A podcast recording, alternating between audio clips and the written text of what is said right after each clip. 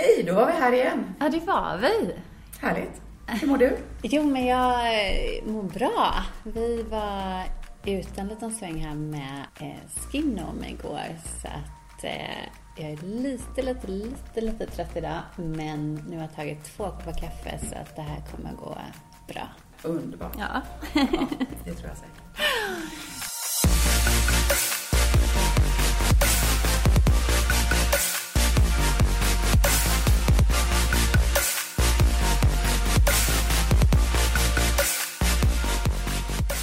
Hur har du haft det? Jo, jag har haft det bra. Jag har ju varit i Italien som sagt var och vilat upp mig lite grann. Det var munskydd på, men eh, jättehärligt ändå. Mm. Så kan jag säga. Var det mycket folk eller hur var det? Nej, alltså vi var dels i... Eh, alltså vi var längst ner i, eh, på klacken, det här Puglia som det heter. Mm. Och eh, helt magiskt, aldrig varit så långt ner förut. Det var jätte, jättefint. Och det var, det var alltså, för, vi, jag säger så här. Vi, först åkte vi till en liten stad eh, och där var det inte så mycket folk. Sen åkte vi ut till en av de här kustorterna. Där var det fasligt mycket folk. Så vi åkte tillbaks till en, en, en liten stad igen. För där var inte så mycket folk. För där var italienarna själva är, var vid kusten. Och där var nästan för mycket folk för att skulle man kä- känna sig coronasäker faktiskt. Ehm, Härligt ändå. Ja, nej men det var jättehärligt. Det var, det var verkligen superhärligt. Men, eh, men som sagt var, nej, på kusten var det lite väl många människor på lite väl liten yta helt enkelt. Ja, så att, fattar. kände att vi fick ju bege oss tillbaks in till den avfolkade lilla italienska staden istället. Gud, som var jättemysig. Ja, Det finns ju liksom en gammal, en, en, en gamla stan i varje italiensk by liksom. Visst är det helt, magiskt. otroligt? Ja. Ja, underbart. Jag älskar Italien. Ja. ja, jag med. Det är mitt favoritland. Så Det där var jag med keps, hatt och faktor 50, solskyddsfaktor 50. Ja, bra. Absolut. Grym. Mm. Eh, ja, men du är inte så brun, höll jag på att säga. Nej, exakt. Nej. Nej, men det är faktiskt så. Jag har inte solat ansiktet sen jag blev hudläkare, tror jag. I Mm. princip inte. Jag är lite på armar och ben, men... eh, Så 20 år ungefär? Eller? Ja, 15 i alla fall. Mhm. Mm. Ja, men du har väldigt fin och fast, fast hud. Det var det jag ville höra. Det var dit jag ville komma. Eh, men, men det är viktigt, för ett av ämnena som vi har pratat om är rosacea och det vet vi försämras av sol. Ett Ja. annat ämne som vi faktiskt ska prata om idag, perioral dermatit. Inte riktigt lika kopplat till, till sol faktiskt som rosacea, men eh, kan spela roll hos en del. Ja, precis. Ska vi gå igenom vad, vad perioral dermatit är egentligen? Ja, eh, absolut. Och det är ju... Eh, alltså jag brukar säga så här, rätt eller fel, ja, men någon form av släktskap med rosacea har det ju. Det, är ju det, det påminner ju om varandra, men, men om man tittar på eh, rosacea så har den ju, den har ju lite andra drag ändå. Det har vi pratat ganska mycket om faktiskt redan i andra avsnitt. Men om vi då tittar på periorala dermatiten så har den egentligen o- bara ordet kan man ju säga så här, perioral. Peri betyder runt om och oral, det är det som har med liksom munnen att göra. Så att det betyder egentligen utslag runt munnen kan man säga. Eh, och eh, nu sitter de ju inte alltid bara runt munnen utan de kan faktiskt sitta runt näsvingar också. Och då het, kan man ju specificera det lite mer och säga perinasal runt näsan. Och sen finns det för att krångla till det ännu mera lite ovanligare former som kan sitta bara de här liksom prickarna och sånt där kan sitta runt ögonen faktiskt. Och då brukar vi kalla det då för periorbicular för att det betyder då runt ögonen då. Så att eh, så det är lite, men, men man kan säga att det är egentligen Alltså det är samma åkomma. Men, eh, men det kan ju så, se lite olika ut. Vilket ibland gör att det kan vara, ja, kan vara svårt att ställa diagnoser. Men utslagen är många gånger ganska små. Röda förstås, liksom lite kliande, svidande, många som beskriver. En del kan även se som pytte, pytte, pytte små blåsor nästan. Eh, och så typiskt är ju faktiskt den här liksom lokalisationen då, ofta runt munnen, hakan, eh, ja, näsvingar kanske då i mer ovanliga fall då runt, runt ögonen då.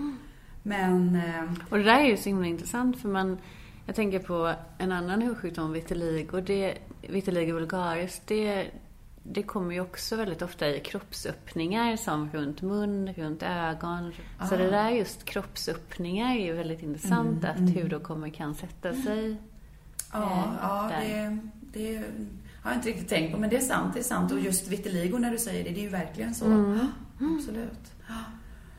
Uh, ja, nej men här har vi ju mer som, det som är likhet med rosacean är ju att det är, att det är eh, talgkörtlarna mm. som på något sätt blir irriterade slash inflammerade. Mm.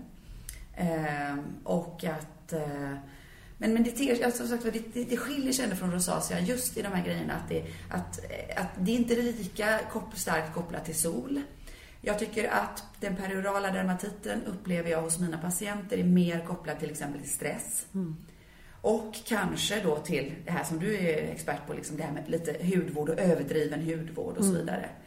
Det är många som kan uppleva att man får små fina plitor och utslag och som kan bli värre och värre ju mer man håller på med huden. Mm. Verkligen. Mm. Och, så att de, de, det är två ändå olika åkommor tycker jag, fast de har vissa gemensamma drag.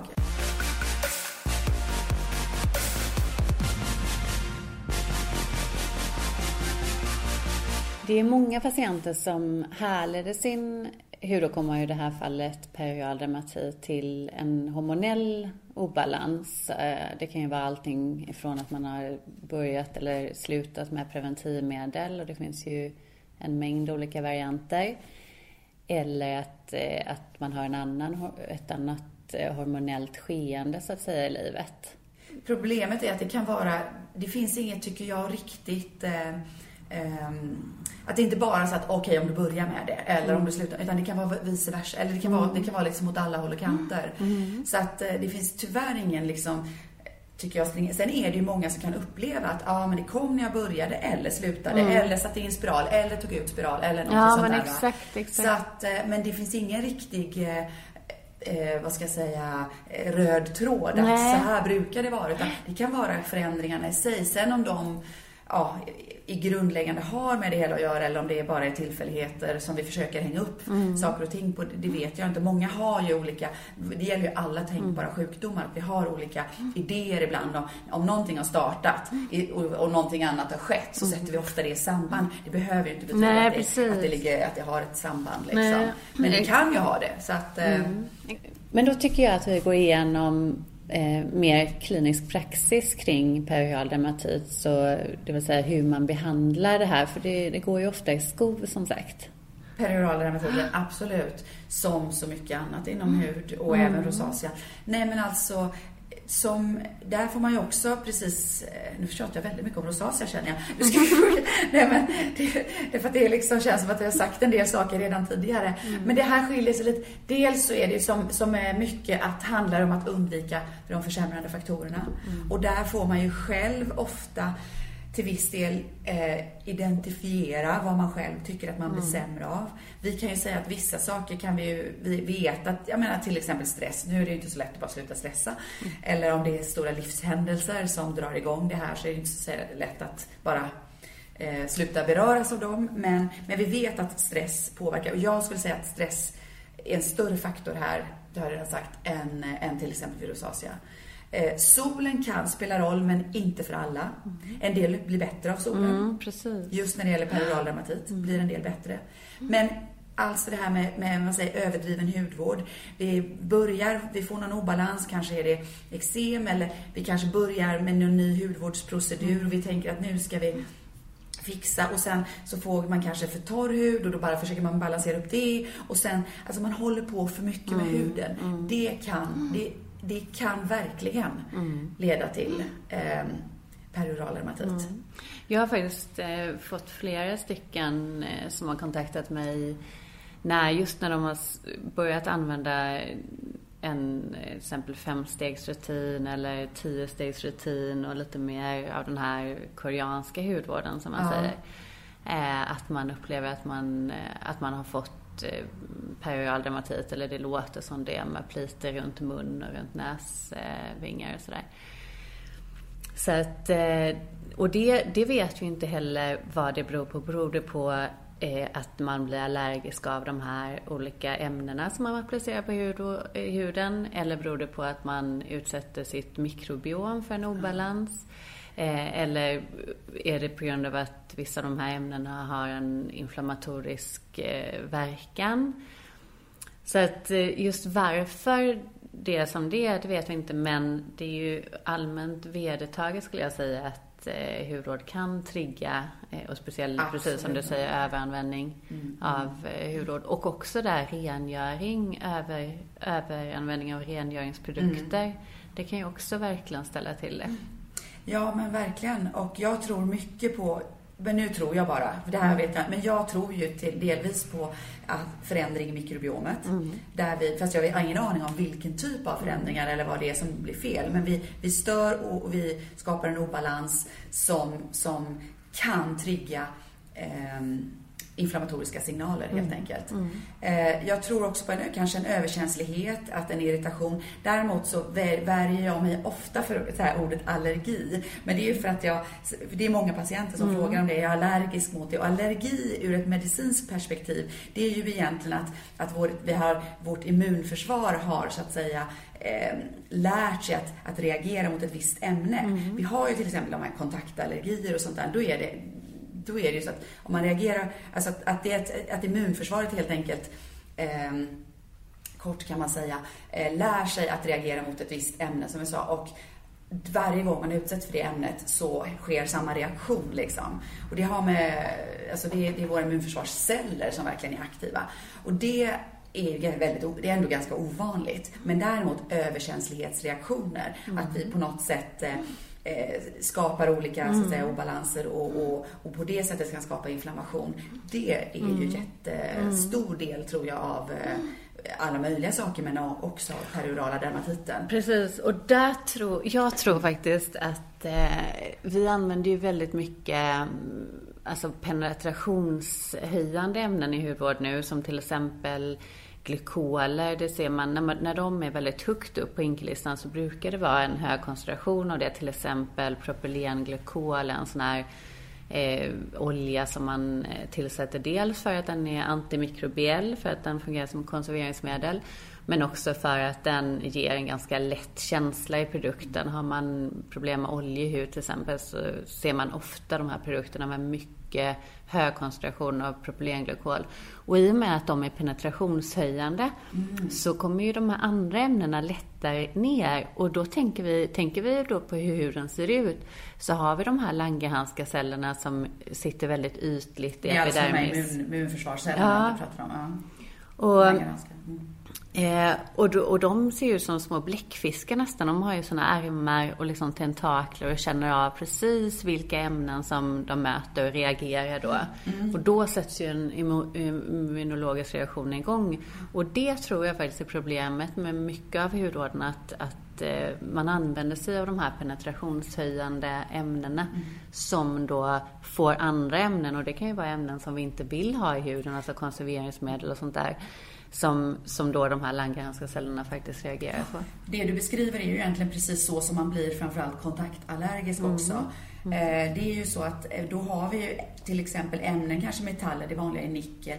Mm. Och vi vet ju att eh, om huden då är trasig, till, lite till exempel skör, till exempel att vi har eksem och så vidare, då, har vi ju, då är det ju lättare att ämnen penetrerar mm. ner i huden. Och det är ju egentligen precis det du beskriver, att vi då med de här, eh, så här substanserna faktiskt skapar. Mm. Vi skapar liksom en, en skörare hudbarriär så att ämnen kan penetrera ner och leda till både kontaktallergi och irritationer. Så att, eh, ja, jag tror verkligen på det faktiskt.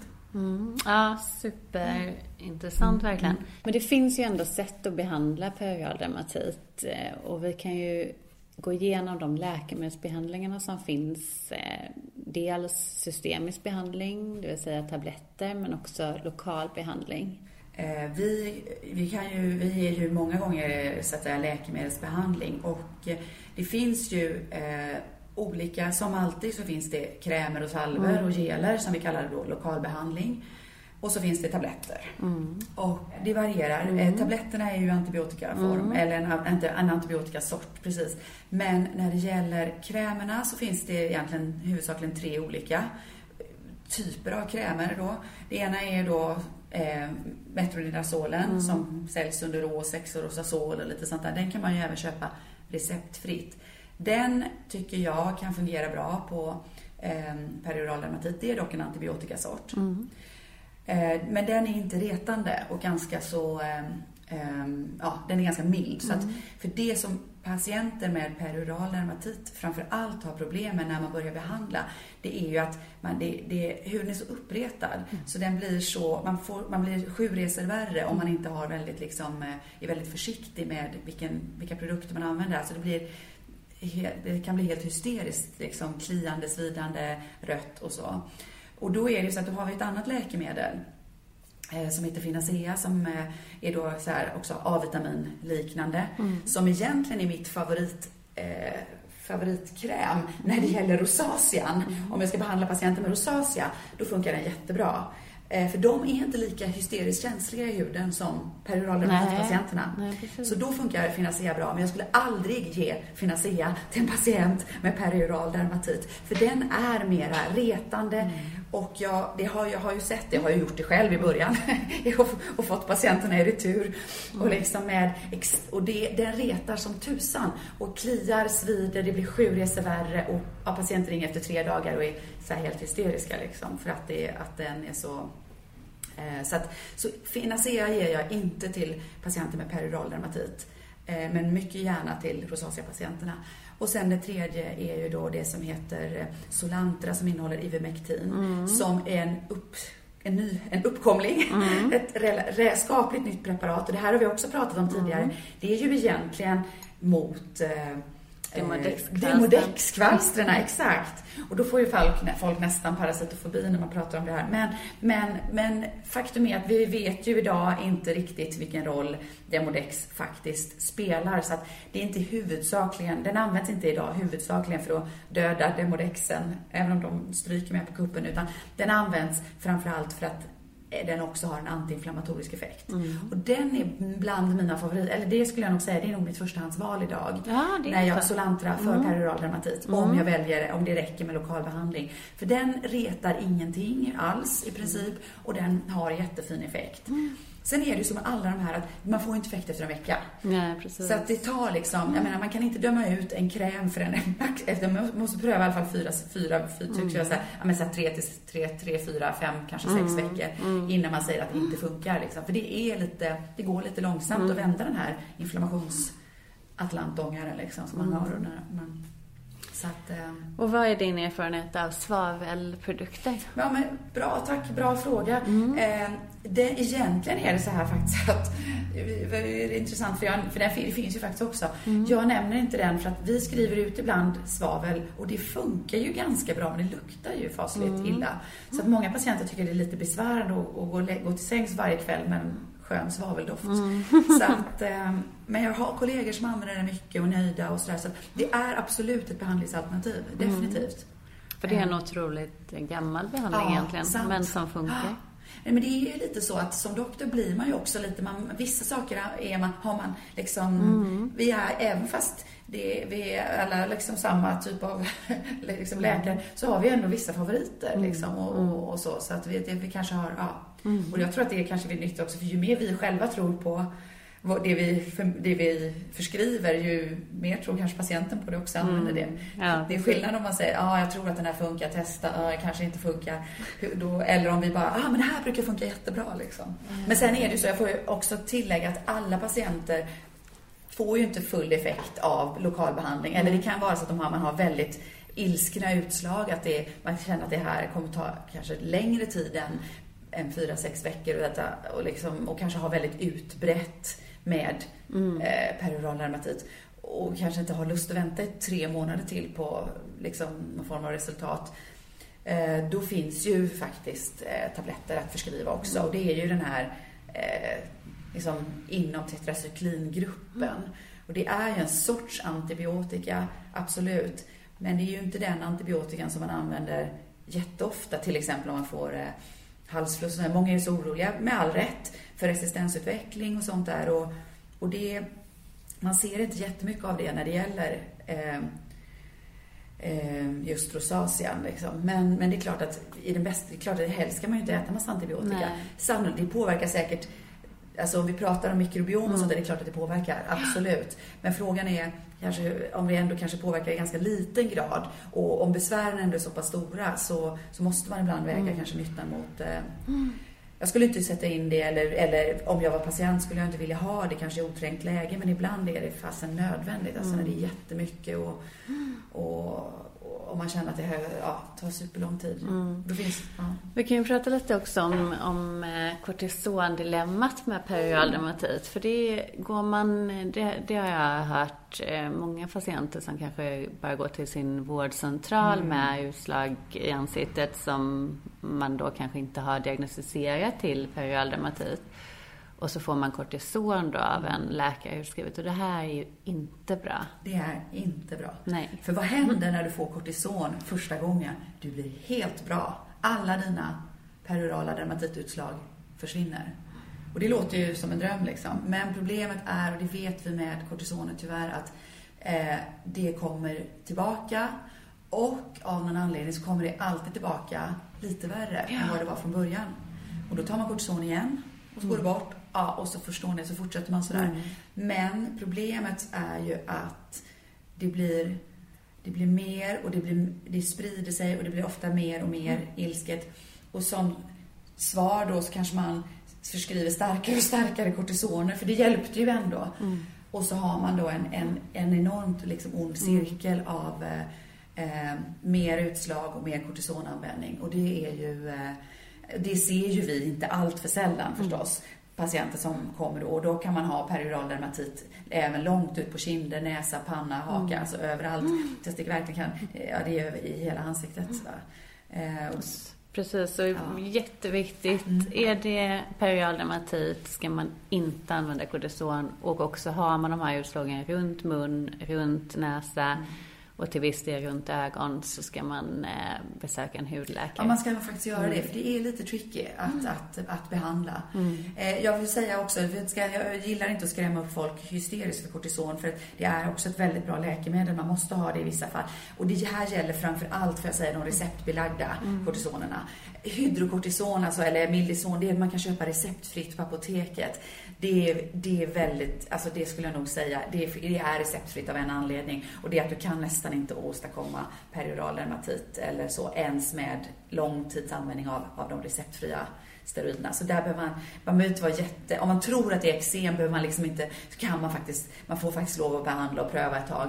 Man kommer inte att få perioral dermatit eh, direkt efteråt. Men, men det är klart, vi ser ju patienter som har fått eh, det som vi kallar grupp 3, alltså stark kortison, mm. de där som heter Elocon och Betnovat och Vixan och sådär, fått det till ansiktet. Mm. Och då får man, mm. det är bara en tidsfråga, då får man perioral dermatit. Mm. Återigen så kan det användas Säg att man har svårt eksem, om man använder det i tre dagar, då får man inte perioral dermatit. För det kan man behöva ibland för om man har andra mm. sjukdomar som man mm. behöver trycka ner. Så jag vill inte bidra till någon sån här allmän kortisonrädsla, men, men den ska användas på rätt sätt. Mm. Exakt, exakt.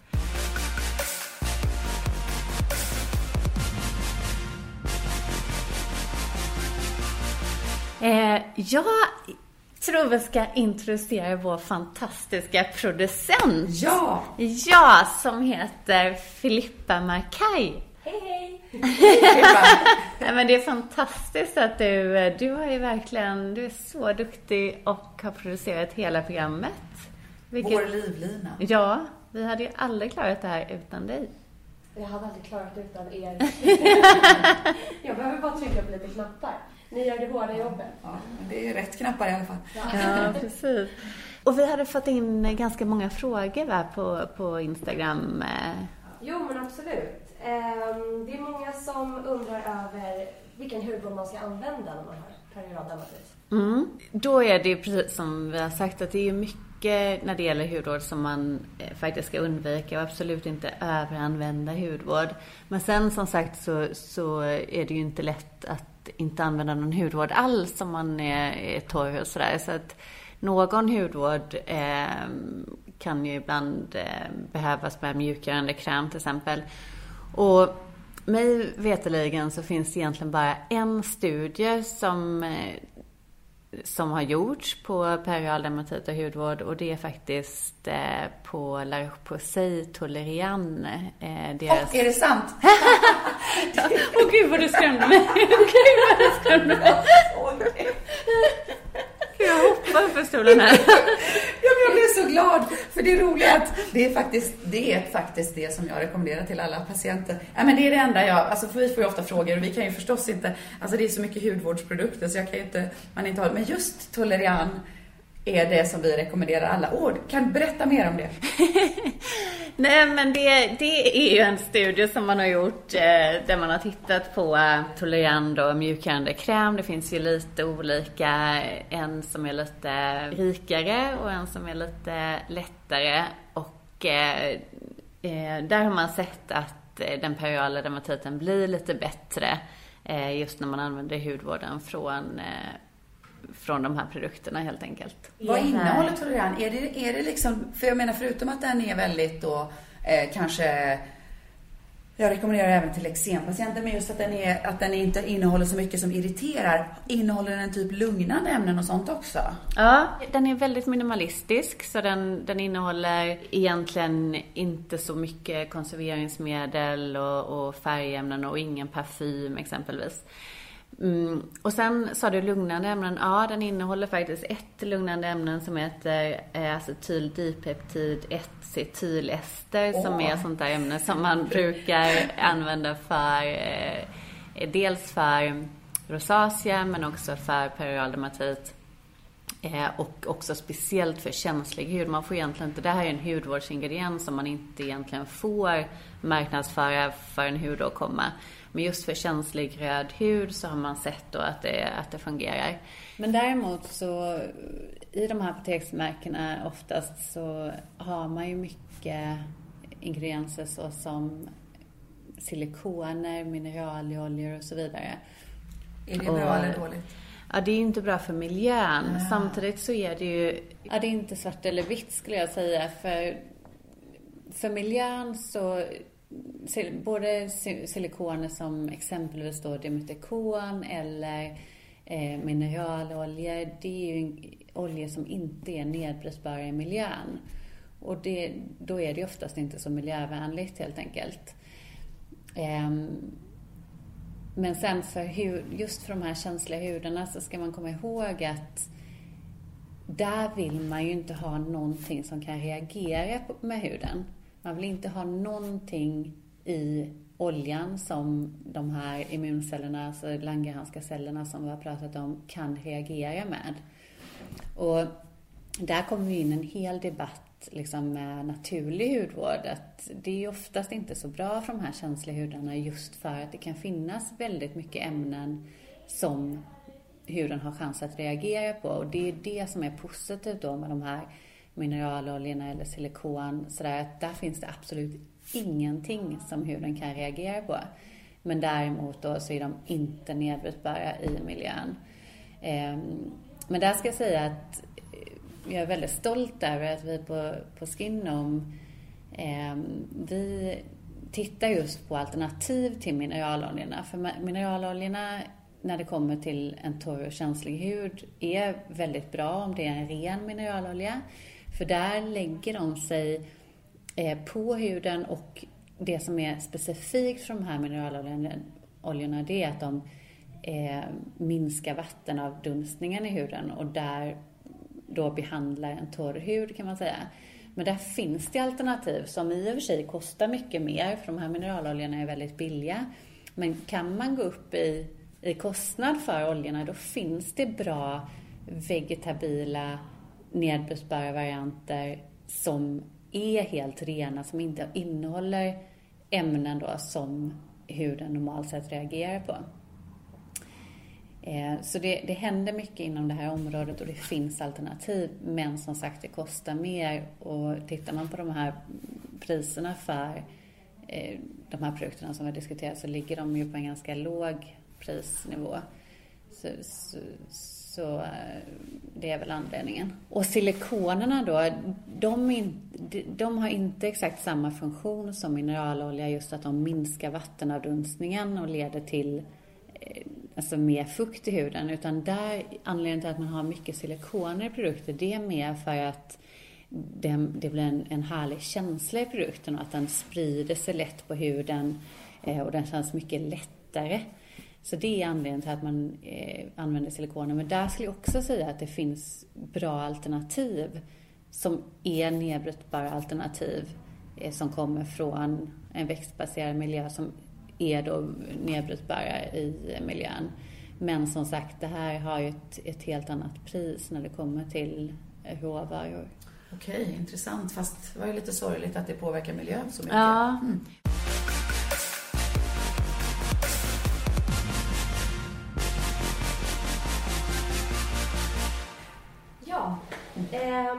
Det är även många som undrar just eh, på tema hudvård om man kan använda retinol eller anti-aging-produkter. Mm.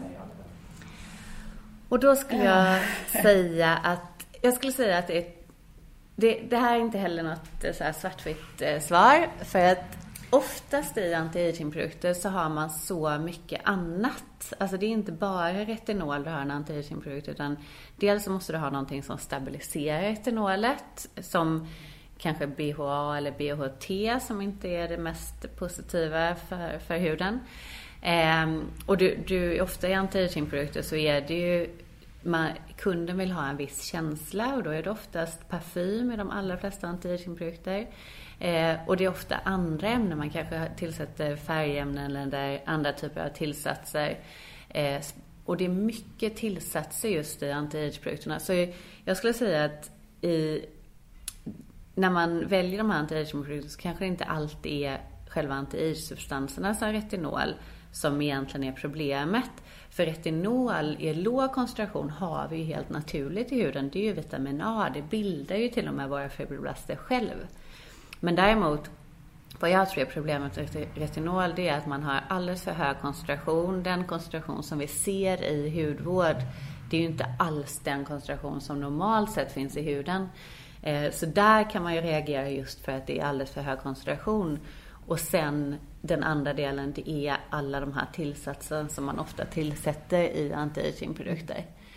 Eh, och sen är det också intressant för att tittar man till exempel på vad, vad folk vill ha, nu, nu kanske det har ändrats, men det är väldigt ofta som man vill ha just den här man vill kunna ta i krämen, man vill ha en burk, man vill kunna se krämen. Och det här har man ju i många anti-age-produkter eh, så har man de här burkarna. Och med burkarna som vi vet, det är också att det krävs massa tillsatser just för att vi ska kunna gräva i de här burkarna. Utan att det blir bakteriefilter. Ja men exakt. Och tänk om vi hade haft en, en crème fraîche-burk och gjort samma ja, sak. Då hade det ju varit två dagar så hade vi fått en, en mögeltillväxt. Mm. Så det tror jag är problemet med anti-aging, att det är så mycket substanser som man sätter på. Skulle man göra en egen kräm med lite, lite, lite retinol och kanske då en, en liknande formulering då som eh, Tolerian, mm. Då tror inte jag att, det, att retinolet i sig skulle vara problemet. Nej. Nej, det är intressant som du säger. Det, jag tänker ju många gånger att, att eh, Eh, det som också, alltså att, att jag avråder ju ofta förstås mm. då om vi bara pratar liksom hur jag gör i klinisk praxis. Ofta avråder jag ju från de flesta anti-aging-produkter. Åtminstone om man har lättväckta problem. Mm. Liksom. Mm. Sen är det ju så, för en del får ju, inte, får ju bara problem ibland när det blir jättestress och så vidare. Och för många blir så här ledsna, kan jag aldrig liksom ha anti-aging eller någonting sånt där. Men sen handlar det mycket om att man Eh, ja, men dels kanske undviker när, man, när huden är uppretad mm. och dels så får man ju faktiskt pröva sig själv fram. För det är ju lite så, och det är ju det här jag menar, det går ju inte att göra studier om varje hudtyp och mm. varje ingrediens. Det är, så, att, eh, så av någon anledning så blir det lite det här trial and error, att man får lite grann pröva sig själv fram och kanske då pröva på ett mindre område. Men sen är det ju så att många gånger just med retinol och sånt och andra så är det så att vi blir ju lite röda och irriterade i huden. Och det vet ju vi också att sånt som vidgar kärlen, sånt som gör att man blir röd, torr, eh, kanske temperaturväxlingar och sånt där, träning för en del och sånt där, kan ju liksom dra igång nya skov av både perioral dermatit och rosacea. Så att man måste, man måste veta om det och vara lite vaksam. Och så får man väl som sagt vara, ja, man får pröva sig fram, men, men för många är det ju svårt. Mm, mm. Och, men jag tror mer egentligen på det som du säger tidigare, den här skräck, för mig helt skräck, så här tiostegs, koreanska tiostegsmetoder och allt du ska smeta på huden då. Eh, det tror jag är värre för ja. huden än bara kanske någon form av liksom anti-aging i samband, eh, trots att du har liksom kanske de här besvären. Men allt är, mycket är som, det finns ingen garanti utan man får lite grann pröva mm, sig fram. Mm. Och kanske på ett mindre område till att börja med. Mm, och kanske också smyga in det. Men om man köper en anti-aging-kräm som då innehåller retinol, för det är det vanligaste, då kanske man inte ska börja med den varje kväll liksom, i början, utan man kanske smyger in den var tredje kväll, varannan och så liksom gradvis ökar då toleransen. Mm. För vi vet ju att när vi använder de här anti-aging-produkterna så är det ju några, eller ja, retinol, då är det ju några av de här receptorerna i huden, retinoidreceptorerna, eh, först reagerar de så 17 för eh, retinolet eller andra typer av eh, eh alltså de här olika A-vitaminvarianterna, mm. där retinol är en. Då. Eh, och, eh, men efter ett par veckor så blir de lite trötta på det där. De är inte lika intressant längre. Så mm. de, de, de, de tillbakabildas. De, inte, de blir inte lika aktiva. Och då blir vi inte lika röda och irriterade heller. Nej. Så det finns en invänjningsfas där. Mm. Och, eh, och det är klart att i den fasen är vi ju känsligare kanske för att dra igång ett nytt peroral dermatitskov. Mm. Om vi nu... Precis, och sen är det ju det har blivit lite, lite populärt att skriva ut kanske som eh, fabrikör då, eller mm. som varumärke, att man skriver ut hur mycket koncentration det är. Och det här, det här skulle jag säga är så mycket missinformation till ja. konsument. För att då kanske man säger att man har 1%, 1% retinol kan man egentligen nästan inte ha på huden. För att det, jag har varit med och gjort kliniska studier till exempel där vi har haft 0,1% ren retinol mm. på armen. Och det har blivit blisters. Oh, alltså det har blivit skavsår ja, som, ja. som man kunnat lyfta upp hela epidermis egentligen. Ehm, och eh, så att en procent av retinol, ren retinol på ansiktshud, det, det skulle jag nästan säga är farligt. Eh, men däremot vad man kanske har gjort är att man tar en råvara som är 10% retinol, 1 retinol och så och så säger man då att man har, man har en, en procent av den här retinolråvaran men egentligen kanske det slutkoncentrationen kanske är 0,1 eller 0,01 procent. Men hur kan man göra så? Ja, det verkar inte, eller hur ska man då? Alltså, wow! ja, och det, det här är ju helt... Eh, så, så att från konsumentens sida så, är, så vad jag försöker råda eh, till och hoppas att, eh, att eh, faktiskt att det här kommer att ske, det är att man efterfrågar mer information från, från varumärken och från eh, producenter. Vad är det egentligen? Alltså var, var nitiska för att det är så mycket, och det är ju, vi har ju pratat om det i något annat avsnitt, att det är otroligt intressant det här att man godtar så mycket när det gäller hudvård. Men det gör man ju inte på samma sätt när det gäller kost och, och, och livsmedel. Där vill Nej. man ju verkligen veta. Man, you don't take no for an answer. Men här är det som att vi eh, men det är väl så att man, inte, man vet inte helt enkelt. Man, man, vet inte ens att man inte vet. Alltså, Nej, om jag så säger. För jag skulle ju förstås tro att, ja men står det så här, jag skulle, ja men står här, ja men det står 0,5 på en och, och 1 procent på en, då tror man tror ju på något mm. sätt på det. Sen vet ju jag i och för sig, som vi har pratat om tidigare, så här att, att, att det kan sjunka beroende på hur du förvarar det och, och jag menar solljus förstör och luft förstör och, och att det, många av de här krämerna vi har kanske eh, inte innehåller så mycket som de skriver för att vi Ja, för att eh, det är inte förpackat på rätt sätt eller att vi inte hanterar det på rätt sätt. Men det, det är lite en annan sak med att det i princip redan från början är mm. äh, lurendrejeri. Ja, Nej, ja det är mycket. Hade vi några fler frågor ja. ja? Ähm, finns det något speciellt livsmedel eller kost som kan, eh, som kan hjälpa? Ja, det är en, det är en samma fråga som kommer för de flesta hudsjukdomar. Och eh, mitt tyvärr enda svar hittills för de allra, allra flesta är ju i princip att eh, ingenting som är liksom säkert bevisat i, man säger, i, med vet, i vetenskapliga studier som i alla fall håller någon medicinsk standard. Eh, att jag skulle kunna säga att men ät det här så, så blir du bättre i huden. Tyvärr inte. Eh, det är jättemodernt med antiinflammatorisk kost. Och som jag säger, det är säkert jättebra. Det är säkert inget fel på det. Och det är säkert inget farligt, men, eller det, jag kan inte tänka mig att det är något farligt. Men däremot att det skulle hjälpa då mot olika hudsjukdomar, vilken som helst, det har vi inte sett några liksom, tillräckliga bevis på så att vi skulle kunna rekommendera det. Tyvärr. Jag tror ju på att eh, just det här med, med eh, kosttillskott och vitaminer så jag tror att alltid att det är bra att äta en diet med mycket grönsaker. Eh, för det, det har man faktiskt sett. Eh, dels liksom den kosmetiska effekten på huden eh, med rynkor och sådär. Att har man en mer eh, kost med mycket grönsaker, eh, där har man sett en, en effekt. Eh, men att man är en, lite av en liksom, näringsjägare när det kommer till kosten. För eh, just de här kosttillskotten och vitaminerna, dels så av någon underlig anledning så är det väldigt ofta extrem höga koncentrationer av de här vitaminerna och då kan du ju slå ut andra vitaminer. Så får du jättemycket järn till exempel så, eh, alltså du kan få brist på koppar då. Och eh, ja, men andra typer av vitaminer också. Så att... Men det är inte, den är inte tillräckligt stor faktor för att om man titt, skulle titta på studier och göra studier så faller det liksom inte ut som någon form av enskild, eh, alltså men signifikant enskild eh, påverkansfaktor utan det kan vara att det tillsammans med mycket annat kan bidra, absolut. Mm. Jag tror säkert att det kan bidra, det är klart att det bidrar att äta bra. Men, eh, men om man bara, att, att säga att antiinflammatorisk kost som det enda åtgärden eh, skulle läka ut peroral dermatit eller andra hudsjukdomar, då det är så, så stor betydelse har det inte. Liksom. Det är inte så kraftfullt är det inte. Det är många som skriver att de, de upplever att de har både eksem och peroral dermatit samtidigt. Hur eh, ska man hantera det?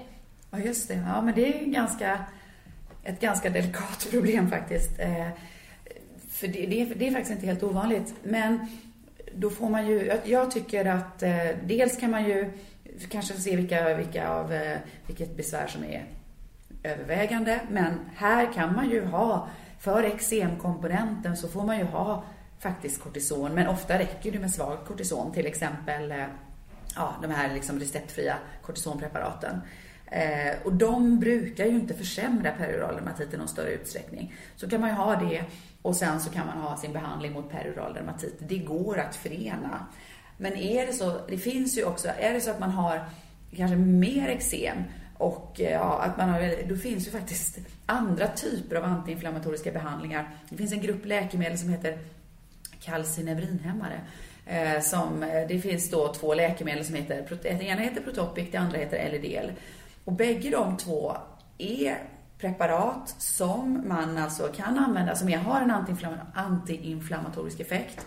Vi använder dem dels till eksem i ansikte och hals och sånt där, när man inte kan gå upp i kortisonstyrka. För att vi vill ju helst bara ha eh, eh alltså receptfritt, alltså det här som vi säger svag eller grupp 1-steroid till ansikte och är det så att man har eksem som inte, där det inte räcker, då brukar vi använda de här läkemedlen. Och de har faktiskt en ganska bra effekt på, på periral dermatit också. Så att eh, det kan man ta som kombinationspreparat helt enkelt. Dock framförallt protopicern, den kan också svida lite i början. Mm. Just om man har den här uppretade eh, periral dermatithuden. Men, men ibland får man ta det och man får liksom bara Och där finns det ju två olika koncentrationer för Ja, men där får man ha den vuxenkoncentrationen som jag säger, den som är 0,1 procent. Mm. För kör man 0,03 procent, den är... Den är du tycker har, det? Ja, ja, ja, alltså som... Eh, den är ju egentligen till för små barn bara, mm. eller barn får man säga. Mm. Det, det, det är ingenting jag använder alls. Men Protopic är ju inte all, det är inte receptfritt än, så det, det krävs ju utskrivet. Absolut. Jag tror inte det kommer att bli receptfritt heller, Nej. för det är ett ganska potent läkemedel. Mm. Så att, eh, men det som är bra är då att det innehåller inget kortison, ingen antibiotika. Så det har liksom, ja, inte den biverkningsrisken alls. Så det är, det är sånt man kan fixa eller hålla på, eh, ja, behandla med om, eh, om besvären är komplexa på det sättet. Och sådana här vitamin D-analoger hur- Tänker du krämform då? Det Ja. har vi ju mest till, till eh, psoriasis. Ja, precis. Men har du testat det till perioddermatit? Nej, för att eh, det har jag faktiskt inte. Eh, Det är ju så här att det som är vitamin D, som är enbart vitamin D, det försvann ju egentligen från marknaden för ganska länge sedan. Eftersom det, det var indikationen var psoriasis. Och då försvann det egentligen. Sen har man kunnat förskriva det på någon form av eh, De har calcipotriol, tänker jag på. Precis, exakt. Det är den. Men, men som, alltså, bara calcipotriolen, den försvann ju. Den finns ju fortfarande och används jättemycket i kombination med kortison Ja, till just psoriasis. det. Det är Ja. förstahandsbehandling till psoriasis. Men däremot så, bara calcipotriolen kan man ju visserligen förskriva på någon sån här, som vi säger, lite, lite knasiga, eller det finns inte färdiggjort, Nej, men vi kan förskriva det, eh, sån här extempore som det heter, alltså att Just man, det. att man eh, ber apoteket blanda till det. Men nej, jag har ingen, det är en bra fråga. Det kanske absolut funkar. För men det har hade ingen ju bra varit intressant i och med att har är ingen, ja, nej. antiinflammatorisk Ja. också. Eh, och Protopic har man ju också använt för vitiligo med ganska bra resultat. Det är samma, det är också som vi kallar off-label. Det är ju inte Mm. indikation vitiligo, men vi använder ju en hel del Protopic till vitiligo i ansikte och Mm. på händer och det funkar ju faktiskt ganska bra.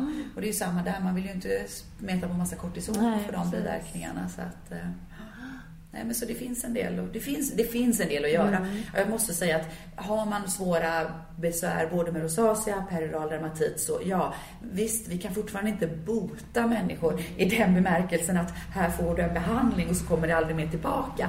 För det här är en liksom kronisk benägenhet, kroniskt återkommande besvär. Man har ett benägenhet att reagera på det här sättet. Så att problemen kan alltid återuppstå. Men vad vi verkligen kan göra ändå, det är ju att man hittar saker och ting som man kan hantera besvären när de kommer. Både när de blossar upp och sen finns det ju faktiskt, precis som du säger, saker och ting man kan göra däremellan för att, med hudvård och sånt för att minska risken för nya skov. Mm, precis. Så det är det man får satsa på. Det är liksom ambitionsnivån. Undvika stress och sol och... Mm.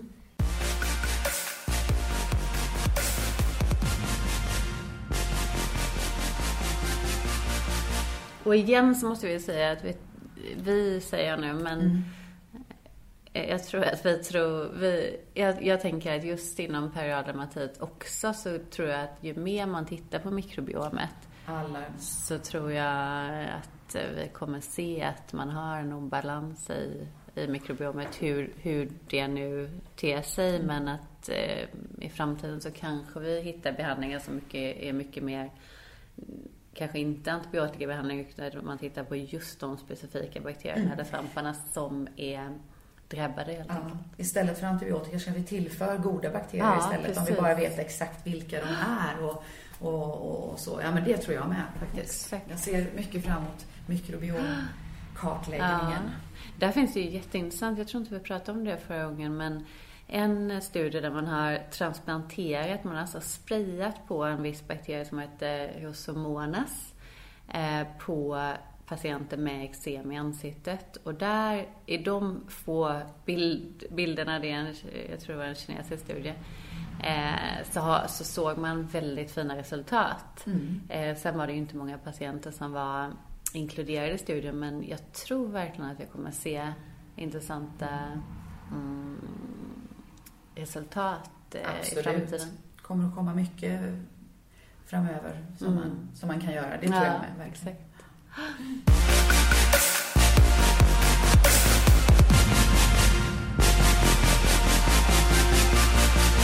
Ja, och fortsätt gärna mejla på eh, vår mejladress hudoktorerna@gmail.com.